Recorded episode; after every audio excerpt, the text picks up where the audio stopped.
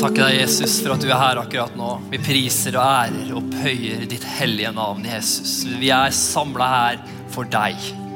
Vi er her på denne jorda her pga. deg. Du har skapt oss. Du er den som har frelst oss. Du er den som har gitt oss alt det vi trenger. Og Vi bare takker deg, far, for den stunden her, og vi kan få lov til å komme sammen som dine barn. Høre ditt ord, Jesus. Og bare få lov til å ta imot det du har å gi oss i dag. Og vi kommer med forventning til deg i dag, Jesus. Vi forventer å se mirakler i dag. Vi forventer å se mennesker bli helbreda i dag. Vi forventer å se mennesker få tanker ifra deg, høre ifra deg. Ta imot din kjærlighet i dag. Det forventer vi. Vi takker deg for det, Jesus, på forhånd i dag. I navnet Jesus Kristus. Og alle sammen sa amen. Fantastisk. Vi alle frivillige medarbeidere som står på her og har gjort det her til en sånn fantastisk søndag, en skikkelig applaus. Bra. Fantastisk. Fantastisk lovsang. Og utrolig bra. Eh, kjempeherlig det du sa, Elisiv, med eh, offeret. Så det er veldig, veldig bra. Det er bare en bra dag, er det ikke det? Har dere hatt en bra påske? Ja? Har dere kosa dere? Håper jeg. Det har jo vært eh, nesten sommertemperatur. Det er jo nesten ikke lov til å ikke kose seg. Eh, temperaturen som har vært nå, så det er fantastisk. Det blir litt kaldere denne uka her, da. Men eh, det, vi går mot lysere tider, er det ikke det? Så det er veldig veldig bra. Jeg gleder meg til å få tale litt for deg i dag. For dere som ikke vet hvem jeg er, eh, så hvem er han gærne fyren som står oppå der og skriker? Eh, så heter jeg Kenneth. Jeg er en av pastorene i kirka her under Erik og Hilde, som er hovedpastoren her. Og sammen med en fantastisk gjeng medarbeidere så drifter vi den kirka her. Og det er veldig, veldig gøy. Så ja, i dag skal jeg få lov til å dele litt med deg. Jeg skal dele et ord som jeg har på hjertet. Så jeg håper du har forventning. Jeg håper du forventer ikke at du skal høre fra Kenneth Moe, men at du skal høre fra Gud. For at eh, jeg tror Gud kommer til å tale til deg i dag. Jeg tror Gud kommer til å gi deg nytt håp i dag. Han kommer til å gjøre noe fantastisk i dag. Så det, så, eh, så det har jeg tro på. Jeg håper du har tro på det òg. Ja, det er bra. Tre, tre, til. Det er To eller tre. Det er det vi trenger. Så eh, det er veldig, veldig bra. Ok, Jeg skal fortsette i dag med noe Jeg, altså, jeg har jo en prekenserie som heter for 'En kultur av Guds rike'. Eh, og Den skal jeg fortsette på i dag. Det gleder jeg meg veldig til. Vi har snakka om det her nå de, eller de gangene jeg har snakka. Eh, vi er jo så velsigna at vi har så mange forkynnere i kirka her. Eh, som eh, vi alle har litt hver av Gud har gitt oss, som vi deler. Virkelig bare for å utruste deg til å gå ut og gjøre det du er kalt til å gjøre. Så, men det jeg har forkynt det siste, er en kultur av Guds rike. Det er noe virkelig Gud har lagt på hjertet mitt. Og jeg tror virkelig at det er noe vi skal ha i denne kirka her. Vi skal ha en kultur av Guds rike. Og For å spole litt tilbake eh, Jeg anbefaler alle å høre de, eh, eh seriene de talene jeg hadde før. Men den står også på egne bein. så du, kan, du trenger ikke å høre på det, men hvis du har lyst. da. Så en kultur av Guds rike det er egentlig bare det er en kultur. En kultur det er noen ting Definisjonen av en kultur det er jo ideene, vanene og den sosiale oppførselen til et samfunn. Den definisjonen fant jeg på Google. Takk Jesus for Google av og til. Alle er enig i det? Google, ja. Og Bibelen, men Google også av og til. Men, eh, så eh, Det er jo ide, det er ideene, vanene og den sosiale oppførsel. Det som er vanlig Eh, blant en gjeng mennesker, da, eller et samfunn. Det som er normalt. Eh, og Derfor så tror jeg virkelig at det å være en kristen det er, handler ikke bare om å liksom komme på søndag og gå inn i en sånn kirkeboble og si halleluja, Jesus, så flott og så fint, og så går vi ut av kirkebobla og så lever vi det normale livet vårt. Det er ikke det kristenlivet handler om. Å være en kristen det er et liv. Hver dag. Det er en ny normal. Det er noe nytt som skjer når vi er kristne. Og, er en, og da kommer vi inn i en ny kultur. Altså en kultur av Guds rike. Og Derfor har jeg bilde av en elv her. for jeg tror virkelig at En, en kultur det er som en elv. Det bare går et sted. Og, bare, og Når en, en, kultur fortsetter, så spiller det ingen rolle hva som står i veien for, den, for, for en elv. Har du det? Det, det bryter seg gjennom, gjennom det hardeste materialet. Og lager en baner en vei gjennom stein, gjennom alt mulig rart. Hvorfor? For det er kraft i en kultur. Og Det samme er det, det er kraft i en kultur av Guds rike, og det er det vi er kalt til. Det var det Jesus eh, Jesus eh, ønska å ha på den jorda. Han kom, han sa Det første Jesus sa når han kom til jorda, sa omvend for Guds rike har kommet nær. Og Det siste han sa eh, før han dro opp til himmelen, det var han underviste disiplene om det som hadde med Guds rike å gjøre. Så dro han, så ser du fortsettelsen på apostlene. De fortsatte, de underviste om Guds rike. Så de, gikk, de dro rundt i, i alle byene og underviste om det som hadde med riket å gjøre. Så jeg tror virkelig at det som har med Guds rike, det er bare noe som bare er så viktig. Vi skal komme inn i en kultur av hva er Guds rike og Guds rike. Det er jo sånn som det er i himmelen. Hvordan er det i himmelen? Jo, da kan vi se på Jesus. Hvem er det som er representanten for Guds rike? Jo, det er Jesus. Så alt vi tar inspirasjon av når vi snakker om Guds rike, det er Jesus. Disiplene spurte Jesus Jesus, eh, hvordan vis oss Faderen. Vis oss Gud, da! La oss se han. Og så sa Jesus, men dere har allerede sett Gud når dere ser på meg. For jeg er som Gud. Jeg er, eh, jeg, jeg, det, Når du ser meg, så ser dere Gud. Så Jesus er eh, avbildet av Guds rike på denne jorda. her. Så, eh, så Det er virkelig det som er liksom kulturen bak. og Bibelverset som ligger bak det, er at Matteus eh, 6,10. Da sier Jesus når han lærte disiplene å ba, så tar en liten del av den bønnen var La riket ditt komme. La viljen din skje. På jorden slik som i himmelen hva Jesus sa. Hva, så hva er det vi er her for? Jesus var her. Hva kom Jesus for? Jesus kom for å bringe himmelen ned til denne jorda her. Han kom ikke bare for vi skal, for, å, vi skal sitte her og vente på himmelen og når kommer det liksom å ha et koselig liv. Nei, han kom for å bringe himmelen ned til denne jorda her. For at vi som kristne skal, hver dag kan få lov til å gå i det Jesus gikk i. Kan få lov til å videreføre det Jesus gikk i hver dag. Og det er faktisk mulig. Det er faktisk mulig gjennom Den hellige ånd. Og jeg tror virkelig at eh, vi kristne vi har ment, vi, den visjonen vi har fått, vi skal få, vi ser alle disse lysene. Jeg elsker det norgeskartet her. det er Skandinavia, da. Men jeg fokuserer på Norge. Eh, og så ser du alle disse lysene her. og så ser du, Jeg tror virkelig at det er sånn det er ment når Guds rikes kultur blir normalt blant oss kristne. Og en, en Guds rikes kultur er ikke bare noen ting som liksom bare Ja, jeg vet ikke om det er Guds rikes kultur. Er det, mm, Kanskje det er noe mm, ja, mystisk der oppe. Nei, Guds rikes kultur syns. Den er påtagelig. Du kan faktisk se Guds rikes kultur. Det sto at disiplene, eh, Fariseerne de snakka om disiplene etter Jesus hadde gått i himmelen og Den hellige ånd hadde kommet. Så snakka fariseerne om disiplene og sa hvem er denne gjengen her som snur opp ned på hele samfunnet vårt? Det er en kultur som faktisk forandrer, som faktisk bringer noen ting som folk kan se inn i verden. Og det har jeg virkelig fått på hjertet, at vi, skal, vi kristne vi skal være som små lys. Vi skal være som, eh, eh, som, eh, som, som vi, vi, er, vi, skal bringe Guds rike inn i verden. Jeg fikk det ordet. Vi skal infiltrere verden med Guds rike. Overalt. Vi er ikke først og fremst bare ment at det skal være Guds rike på søndagen. Men når du går overalt hvor du er ment å være, når du går i din hverdag på mandags morgen i morgen, når du går hit der du er på skolen, på jobben, eh, eller hvor enn du er, der skal du bringe Guds rike inn i din situasjon og virkelig se at ting forandrer seg. Det er faktisk mitt mål og håp med den scenen der. Så det Gud har lagt på hjertet mitt, er tre tre tre stolper innafor det her. Jeg håper det går greit. Da tar jeg litt recap, og så går jeg videre. Går det bra? Alle sammen snik? Bra. Det er lov til å svare meg tilbake. vet du.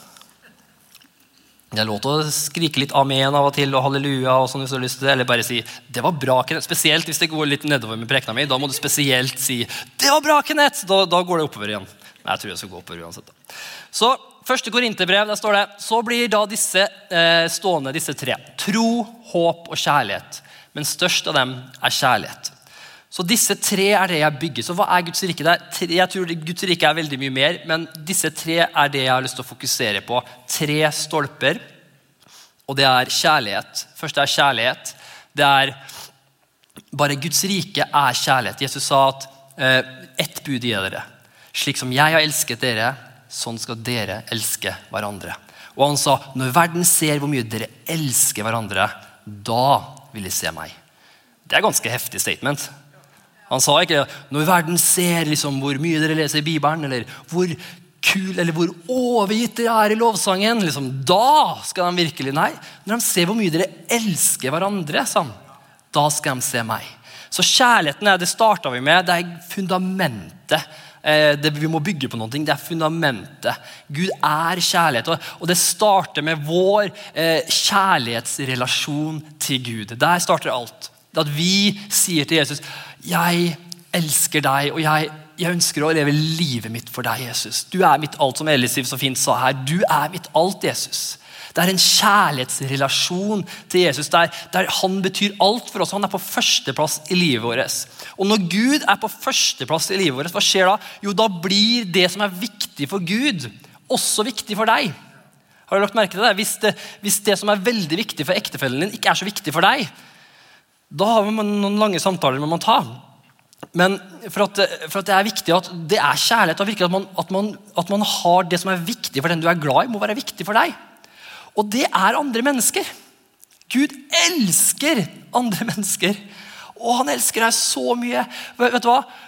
Hver, hver, eneste person som sitter i den salen her, som hører på min stemme, hver eneste person i denne verden her, er faktisk en gave ikke bare til kirka her, men til verden. Du er en skatt. Gud ser på deg som en skatt. Han ser på deg som en gave til denne verden her. Du har noe i deg som ingen andre mennesker i denne verden har. Har du. Du er unikt skapt. Og Derfor så sier Jesus ikke det her bare ja, husk å være glad i hverandre. da. Liksom, Ikke vær slemme med hverandre. Det er ikke det han sier. Han sier elsk hverandre. Legg ned livene deres for hverandre. Bare, bare, ta hverandre under vingene. Bruk det dere har fått til å være glad og backe opp hverandre, støtte hverandre, oppmuntre hverandre, slipe hverandre. På den måten, når mennesker ser det, så vil de se Guds kjærlighet i aksjon. Så Det er jo den, en av det, det, viktigste. Alle er jo viktige, og alle punktene her går i hverandre.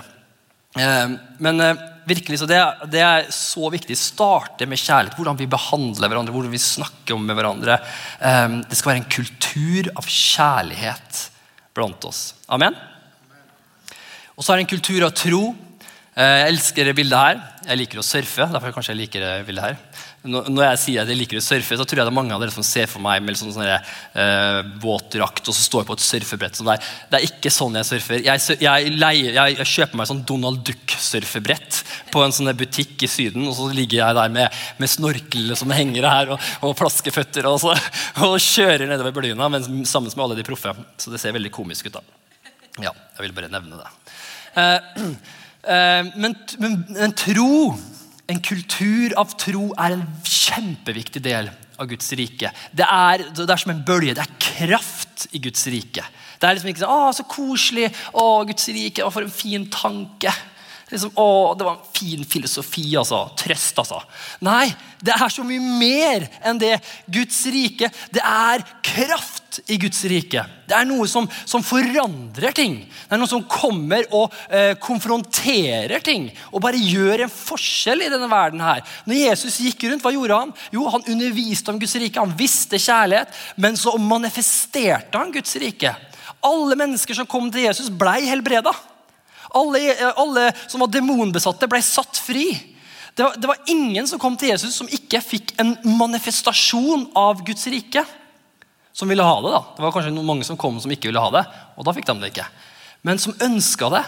Og det er, Derfor er det også vår, en kultur av Guds rike. Det betyr at, vi, at vi, vi forteller om det, vi viser det med kjærlighet, men vi også manifesterer det.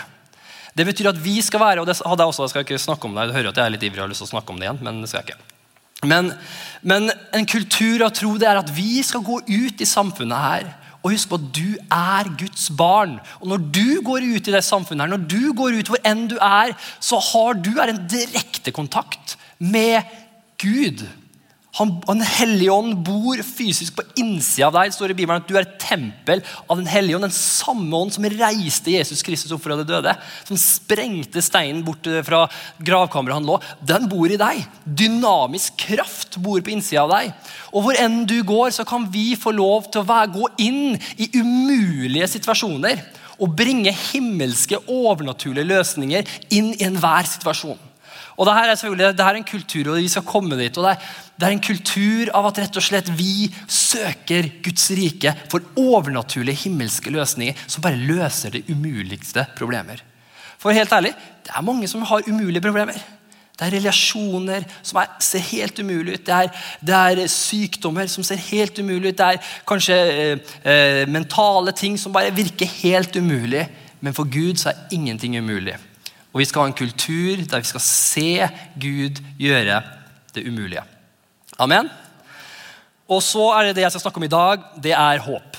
Eh, så um, hold deg fast. Nå skal vi kjøre på med håp. Så alle disse tre henger sammen. Tro, håp og kjærlighet. Jeg starta med kjærlighet, og så ble det tro, og så nå snakker jeg om håp.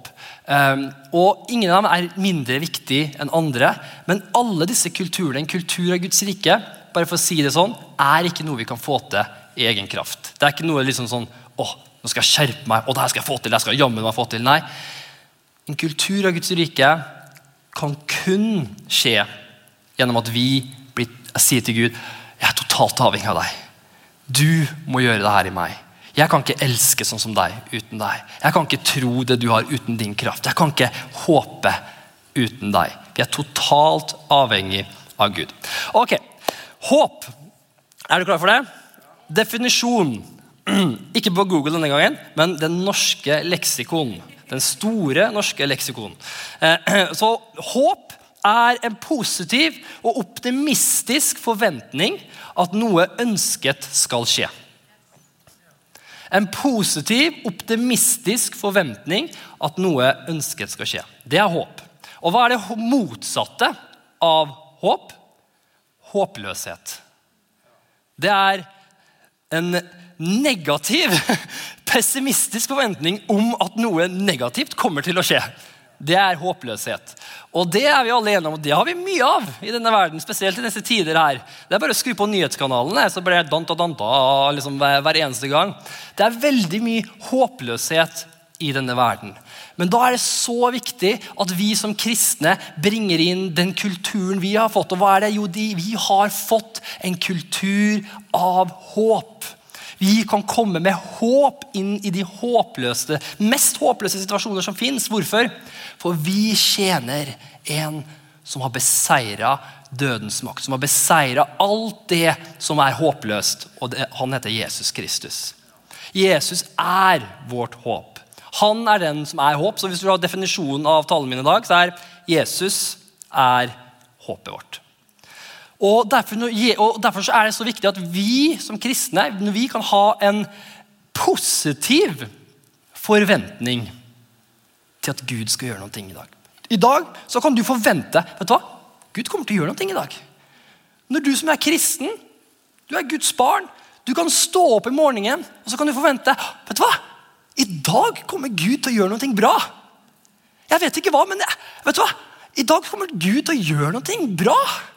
Jeg gleder meg. Vi kan våkne opp og være midt og til, Derfor er det her overnaturlig. Vi kan til og med være i den mest umulige, håpløse situasjonene som fins. Rundt deg kan det se helt håpløst ut. Men vi kan bare Nei!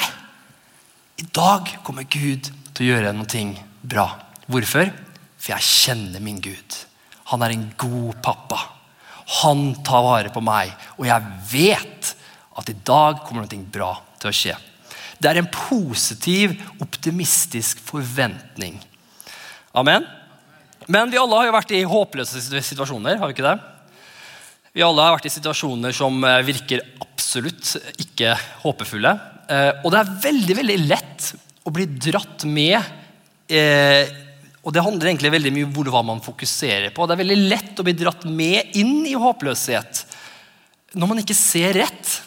Det så vi jo, det nevnte jeg forrige gang jeg preka, snakka om eh, Peter når han gikk på vannet. Så, så lenge han så på Jesus, så kunne han gå. Men i det øyeblikket han skifta fokus, så sank han.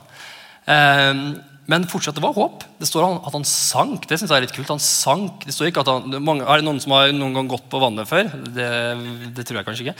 Men, eh, men, men det, og så står det at han sank. Han begynte å synke. Hva tror du skjer hvis, du, hvis jeg går på vannet? Så sier jeg, ok, nå skal jeg begynne å synke. Men altså, han begynte å synke, står det. Det var fortsatt håp. Det er fortsatt håp. Og Jesus står, han var der med en gang. Så hvem er det som er vårt håp? Jo, det er Jesus. Det var fortsatt håp, selv om han valgte til og med å se på det som var feil. Se på alle dårlige omstendighetene. Fortsatt håp. Han begynte å synke, står det. Og det var fortsatt mirakuløs kraft som holdt han oppe. Sakte ned vannet. Det, det er ikke sett så mange ganger. Eh, så, så, men også, Jeg har lyst til å gå inn i en historie nå. Eh, jeg har også flere historier som jeg skal gå inn i dag. Jeg har noen bibelverser òg, så håper du er klar for det. Eh, men eh, jeg har lyst til å gå inn i en historie om Paulus. Paulus er jo eh, han en person som hvis det er én person som kan si at han har vært gjennom mye håpløse situasjoner, så kan jeg vel si at det var Paulus. Han ramsa jo opp liksom at eh, hva han har vært gjennom. Han hadde, han hadde vært på en misjonstur, og da ble han steina til døde. ble vekt opp til live, og Han ble piska en gang, han ble slått, han ble kasta i fengsel. Og, ja, han var gjennom det ene og det andre.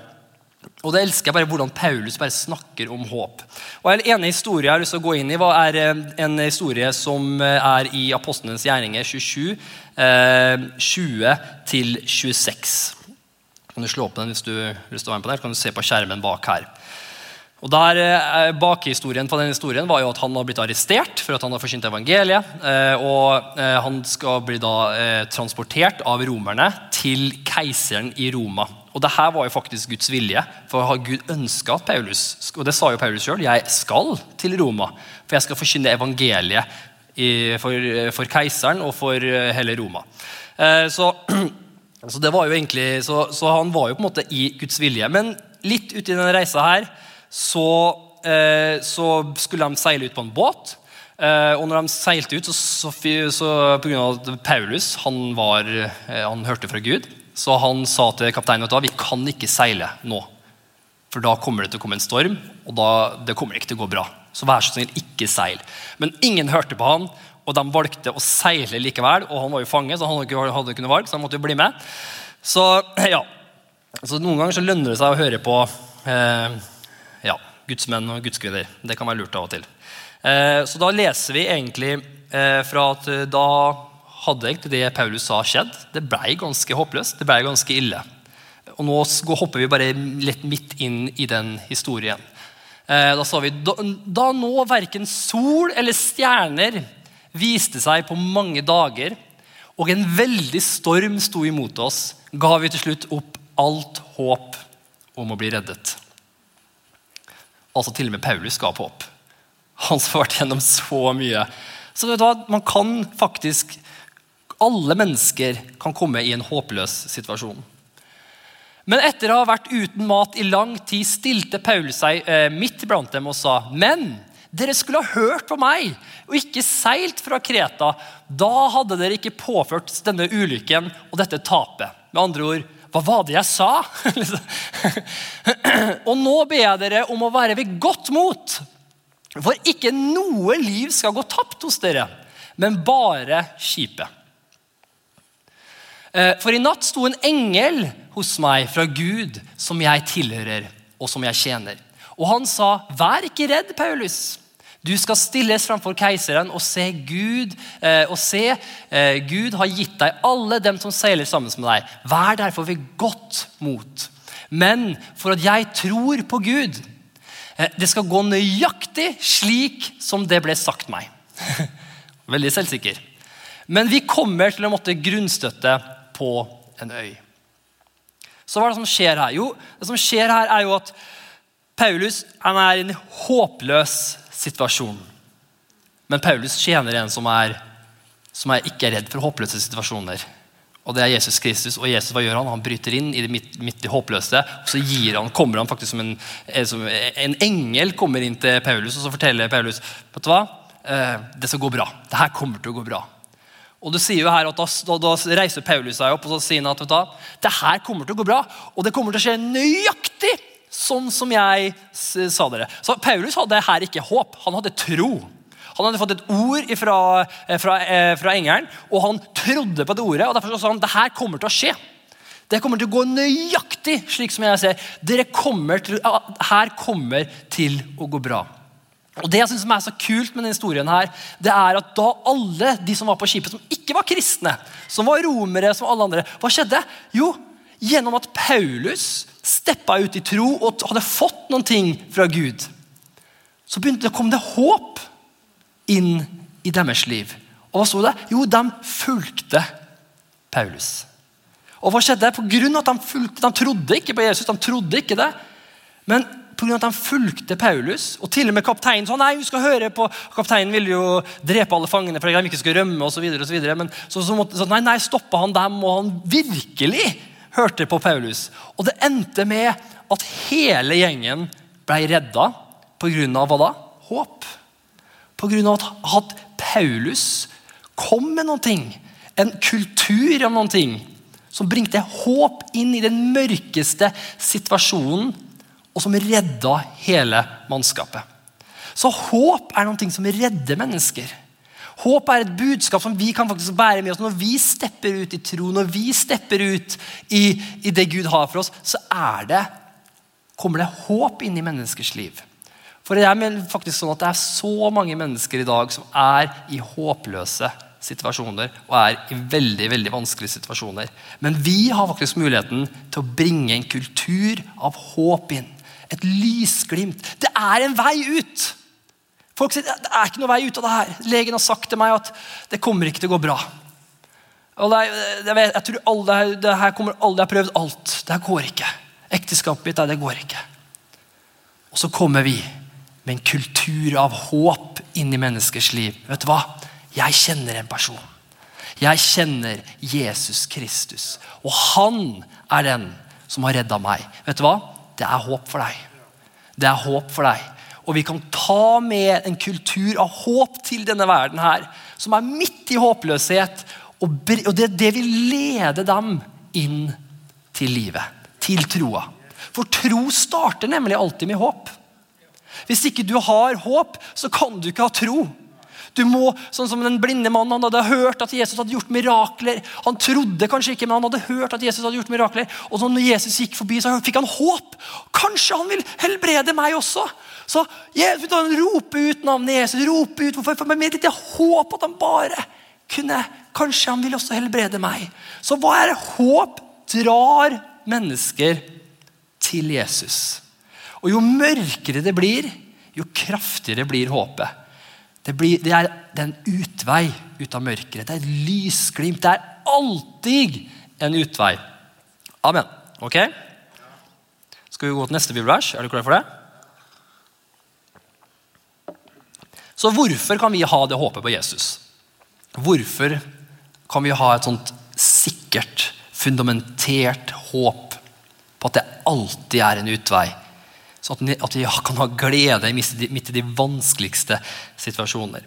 Nå skal jeg lese i, det skal vi lese om nå i Romerne 4,18. Henger du med? Ingen som har sovna? Bra. Bra. Romerne 4,18.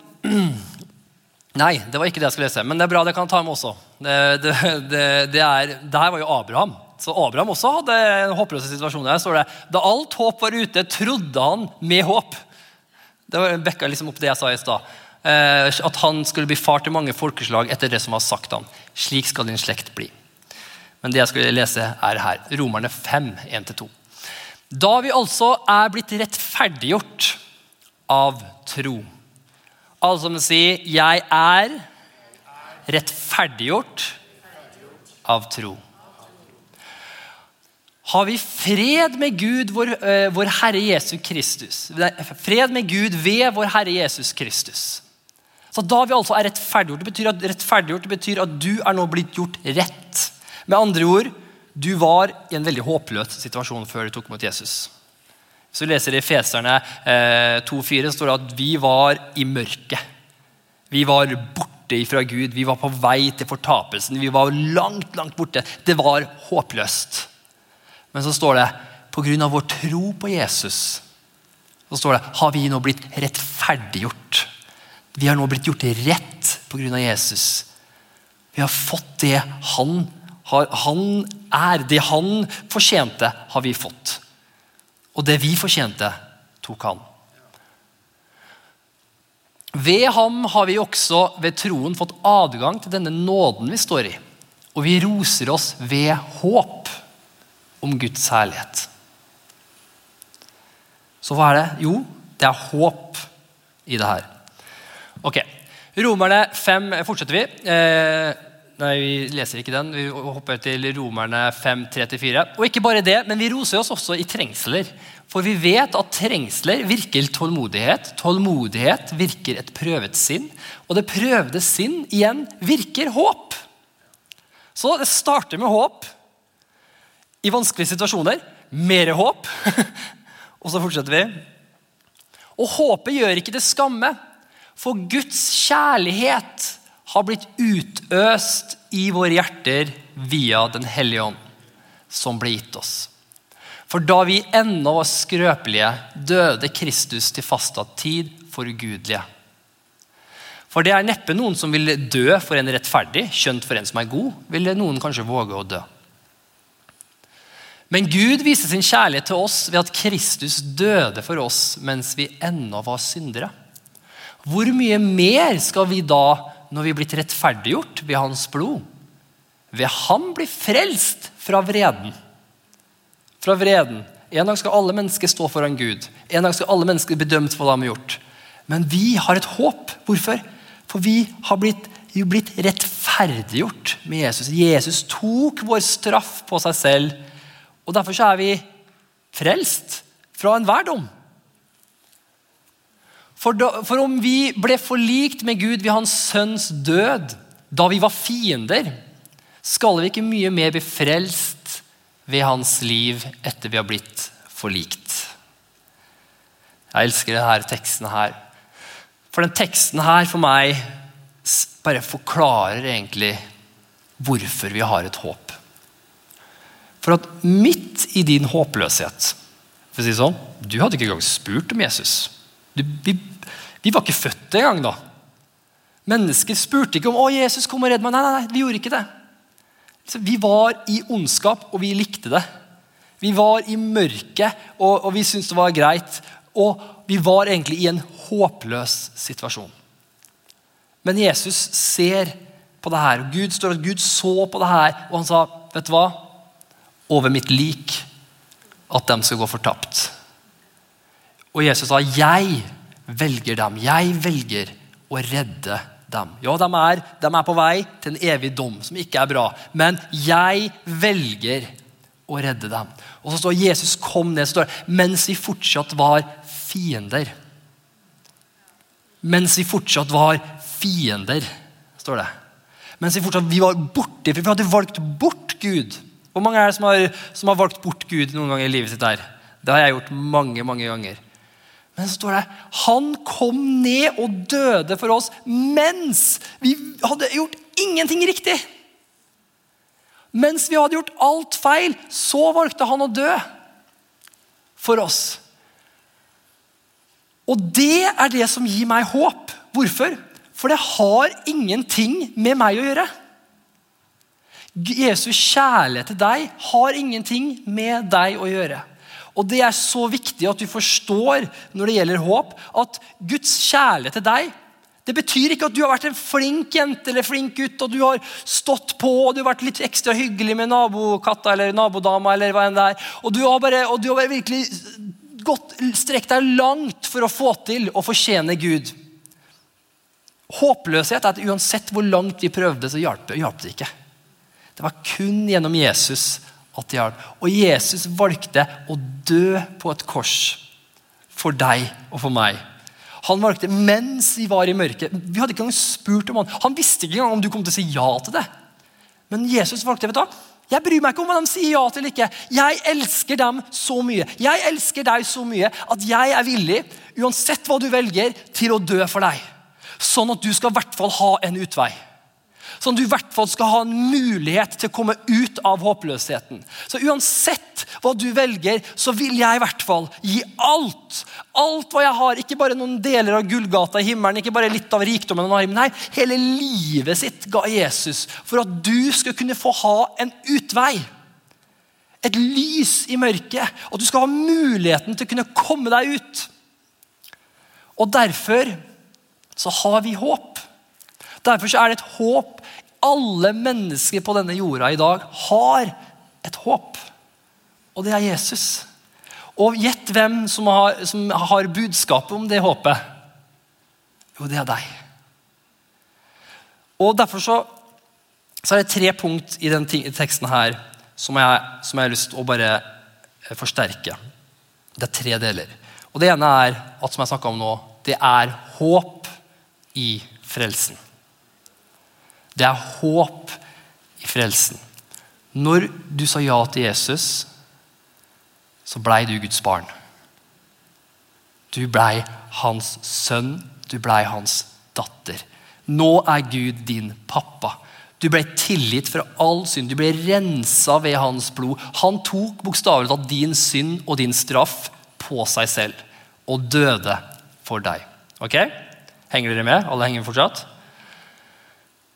Og derfor så er du nå Du er nå på vei til himmelen. Når du er ferdig på den jorda her, så er ikke du ferdig. Vi kristne vi har ingenting å være redd for. Hva er det? Vi har et evig håp. Når vi er ferdig på den jorda, ja, da går vi videre, da. Da, da virkelig ting begynner å skje. Og Jeg elsker å snakke om det her med barna mine. Liksom, ja, 'Hva skal du gjøre i himmelen?' da? 'Å ja, jeg skal bygge meg det fine huset.' Liksom, liksom bare snakke om hva som skal skje i himmelen. Vi, vi, har noe å glede oss til.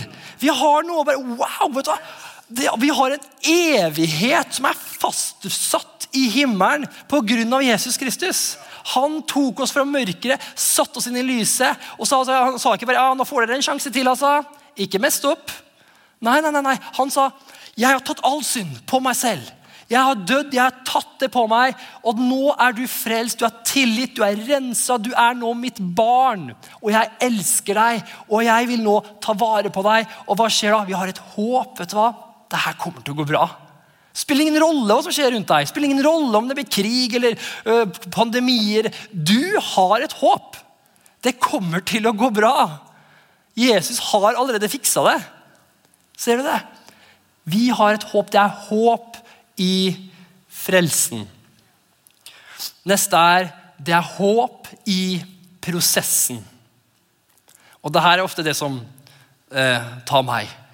Det her er ofte den håpløsheten som tar meg. Det er Ja, Jesus, du har frelst meg. Å, Jesus, du er så god og snill. Men vet du hva? Jeg messa det opp, jeg. Jeg fikk det ikke til, jeg. Så det ser håpløst ut.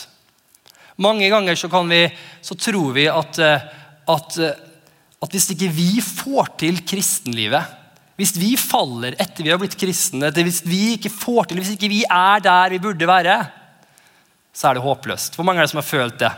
At det er håpløst i prosessen. Du er ikke der du burde være. Du kjenner at åh, åh Men hvordan kan, hvordan kan det her gå? Hvordan kan det være noe håp i det her? Men da har jeg gode nyheter for deg. Det er håp i prosessen. Guds nåde er virksom i prosessen. Og når vi blir frelst, vi tar imot Jesus, vi får Den hellige ånd på innsida, så starter det en prosess av å vokse opp og bli mer og mer lik Jesus. Og Da er det ikke alt som vi får til. Da er det ikke alt som blir, automatisk blir bare bang! Oh, ingen dårlige tanker. Liksom, ja, alt er bra. Og, og, nå går jeg bare sånn som en hellig robot og gjør alt det Gud vil. Det, det er ikke sånn det funker, dessverre. Vi alle kanskje, noen ganger kanskje vi snakker om det, men det er ikke sånn det funker. Vi faller, vi gjør dumme ting. Men så lenge Jesus er på førsteplass i livet så omvender vi oss. Vi kommer tilbake. Og, og det er håp i prosessen. Og det her er det som overraska meg mest med Gud i min vandring med Gud. Det var at jeg blei så overraska over at Gud fortsatt var der når jeg messa opp. At han fortsatt var der når jeg gjorde dumme ting. At han fortsatt elska meg og, og, ikke forsvant. Han bare lo. ok, nå har du gjort noe dumt, vær så god. Når du har fiksa det her, så snakkes vi. Det er ikke hvordan Gud funker. Han er der. Og vet du, Gud er ikke redd for dine svakheter.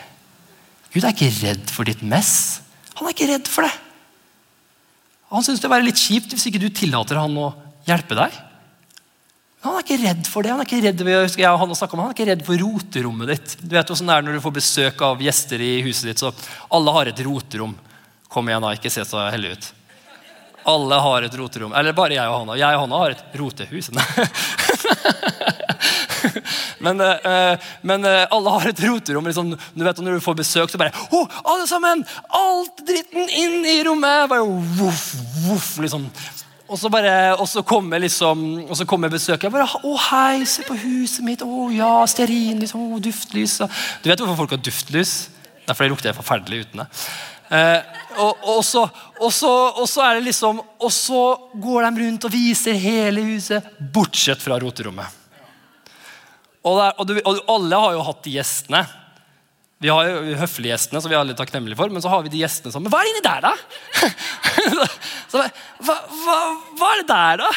Og sånn, Å nei, det er bare et kott. liksom. Det er ikke noe, ikke noe å se. Ja, men jeg vil gjerne se hele huset! og så bare uh, Ok. og så åpner rommet, og så er bare alt rotet i hele huset er inni der. Og da ser du at de får litt sånn aha. Å ja, de er ikke perfekte, nei. Mm. Så Vi alle har et roterom. Vi alle har noen ting i livet vårt som ikke er på stell.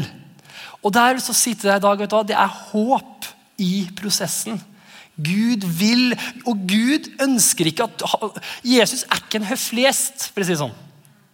Han er ikke en høflighet. Han, han, kommer inn i livet ditt, så kommer ikke han til å si å ja, nei, nei, da skal jeg ikke se det her. Han ønsker å se alle rommene i huset ditt. Han ønsker å gå inn. Og han er ikke redd. Han kommer ikke til å dømme deg. For å være helt ærlig, Han vet at allerede at det er der. Han vet akkurat hva du sliter med. Han vet akkurat hvor du er akkurat nå. Og Gud er ikke en Gud som sier ja, kom til meg da når du er klar. Kom opp hit da når du er klar. Gud er ikke en Gud som sier det. Han sier han møter oss der vi er. Det er det som er nåden. Nåden er at han møter oss der vi er. Men han, han, ønsker, han, han vil ikke at vi skal få bli der, men så tar han oss ut av fengselet, ut av fangenskapen, ut av det som holder oss tilbake. Så tar han oss inn til det han har planen, planen han har for våre liv. Som er en god plan, som er en fantastisk plan. Et eventyr med han. Så det er håp i prosessen. Og siste er at det er håp i det håpløse. Så kan låtsangerne komme og spille, så skal vi avslutte med det. Får du noe ut av det her? Så en kultur av håp. Det er så viktig. En kultur vet du, Positiv forventning. Våkne opp hver dag. Du kommer til å bli, det her er ikke noe som bare skjer automatisk. Du må velge det. En kultur av Guds rike er valg. Vi velger å elske, vi velger å tro, og vi velger å ha håp. Og Jeg føler i dag, åh, jeg føler alt er dårlig, åh, jeg har ikke lyst på det her, jeg orker ikke dra på jobben. Og, og ingen positive tanker. vet du? Jesus, jeg velger å forvente at noe bra skal skje med meg i dag. Jeg velger å forvente at det her kommer til å gå bra. Ja, jeg kan hende at jeg må gå gjennom noen tøffe ting, men vet du hva? Du er med meg. For selv om jeg vandrer gjennom dødsskyggens dal, skal jeg ikke frykte for noen, for du er med meg med din kjepp og din stav, og de trøster meg. Vet du hva? Det her kommer til å gå bra. Og Uansett hva jeg går gjennom, så kommer jeg til å bli sterkere av det. Og det kommer ikke til å skade meg, for jeg, for du er med meg, du beskytter meg. Vet du hva? Det kommer til å bli en bra dag. Denne relasjonen med barna mine, denne relasjonen med ektefellen min, det kommer til å gå bra. Du kommer til å gi meg rette verktøy. Du kommer til å gi meg rette mennesker som kommer til å tale inn i livet mitt. Du kommer til å være der med meg. Det kommer til å gå bra. Det er håp i det håpløse, og det her kommer jo inn det vi er kalt til å gjøre på denne jorda her.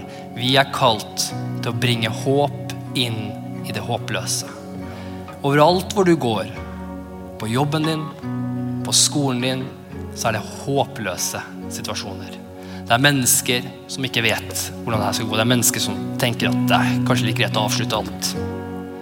Det er mennesker som ser svart på ting. Du har et håp i deg.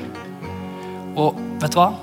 Begynn å forvente at Den hellige ånd skal begynne å bruke deg til å spre håp der du er. Kanskje, kanskje, er det bare at du ser en person som sier Gud vet du hva, den personen der, Begynn å be for den personen der. Eller bare at du smiler til en person hver gang du kommer til skolen. Så, altså smil. 'Hei, hyggelig å se deg.' Bare begynn et sted. Spre håp. Og vet du hva? Jeg skal love deg, En person som bare ser et, noen som smiler til noen som legger merke til dem, hva skjer da? Håp kommer. For du bringer med deg en atmosfære av himmelen rundt deg hvor du går. Og det må du begynne å, det må du begynne å se at du har. Overalt hvor du går, så bare bringer du håp inn i situasjoner som gjør at mennesker får håp. Og håp drar mennesker til Gud. Hvorfor? For det er alltid håp. Det, det fins inget mørke som er så mørkt. Det fins inget hull som er så dypt at ikke det er håp. At det ikke er håp der Jesus kan strekke sin hånd inn og frelse deg. Og Det var jo spesielt en historie her om Jeg skal avslutte med en historie her om eh, røveren på korset som hang ved Jesus. Jeg ville si at Hans situasjon var ganske håpløs. Det var to røvere som hang på korset ved siden av Jesus. Så hang Jesus i midten.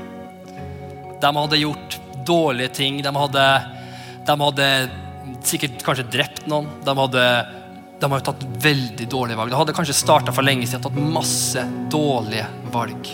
Og så ble de tatt. Og her så ble de dømt til å henge på et kors. Det var faktisk en vanlig henrettelsesmetode på den tida. Røveren ble dømt til å henge på et kors, og her henger røveren på et kors. Ingen liker han røveren. Alle som går forbi røveren, ja, han fortjener å dø. Han fortjener, han har vært slem. Og ja, han fortjente det i det naturlige. Ja, han gjorde det. Ingen hadde nåde for han. Alle de som døde på korset, ja, fysj, ja, og det er bare avskum av verden. Bra at det blir kvitt det gikk forbi, folk spytta på dem. folk bare, ja, Samme som han gjorde med Jesus, gjorde han med røverne. Og der hang han røveren på korset. Alt håp var ute. Han hang der og pintes og plages på et kors. Men så snur han seg, og der henger Jesus Kristus ved siden av han. Og han snur seg til Jesus, og så sier han, 'Jesus' Husk på meg når du kommer til paradis. Og da ser jeg på meg og ser på meg Jesus snur seg. Og det står for at han snur seg, og så, så sier Jesus til ham Og jeg, jeg, ser for meg at han bare smiler til ham midt i sin smerte. For hvorfor? For det står I Guds ord så står det at han, han, han utholdt korset pga. den glede som var satt foran ham. Og hva var gleden? Jo, det er deg, og det er meg. Og smiler til han røveren. Så vet du hva? I dag skal du være med meg til paradis. Sannheten er at det er faktisk for deg jeg henger her. For at det skal bli håp for deg. Og i det, i det øyeblikket, midt i det, tenk deg, den håpløse situasjonen der, ble det håp for den røveren. Og den røveren ble frelst. Og i det øyeblikket gikk den røveren til evig eh, liv i himmelen. Det fins ikke noe mer håpløs situasjon enn det. Og Jesus var der. Og jeg har lyst til å si i dag at sånn er det, Jesus er den samme i går og i dag og til evig tid. Jesus er verdens håp. Om det er så håpløst og, du, og er sånn kriminell som den mannen på korset der, eller om du føler at du kommer bort fra Gud og har ikke gjort nok, du vet hva? det er alltid håp. Jesus er der. Det eneste du trenger, er å skifte blikket ditt til Jesus og si, 'Jesus, hjelp meg' Jeg trenger deg, Jesus. Og så kommer han. Kommer han med sin kraft og sin kjærlighet og omslutter deg og gir deg det du trenger. Amen. Skal vi alle sammen reise oss opp?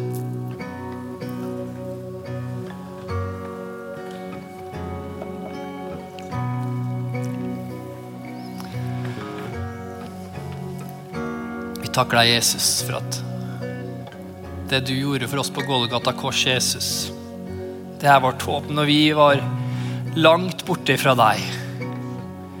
Når jeg ikke Når jeg var i mørket. Likevel så ga du ditt liv for meg. Du ga ditt liv for oss for at vi skulle kunne ha en utvei. Så vi skulle kunne ha en vei til deg, Jesus. Til evig liv. Og takk av Jesus at du har dødd sånn at alle mennesker Det fins ingen forskjell det fins ingen forskjell. Ingen, ingen, forskjell på kjønn, ingen forskjell på rase, ingen forskjell på status. Du døde for alle. Alle mennesker har nå tilgang til deg, Jesus. På grunn av ditt kors og på grunn av ditt blod som rant ned ved Golgata kors. Og på grunn av at du tok vår synd på deg selv. Gikk til fortapelsen, døde for oss og, og gikk fortapt for oss. Men ble oppreist den tredje dag av Gud. Og sitter i dag ved Guds høyre side. Jeg Skal en dag komme igjen for å dømme levende og døde. Vi, vi setter vår håp til deg i dag, Jesus. Og vi tror på deg. I Jesu navn. Jeg har lyst til også bare gjøre en, en greie i dag. Bare at vi skal be en bønn sammen med deg.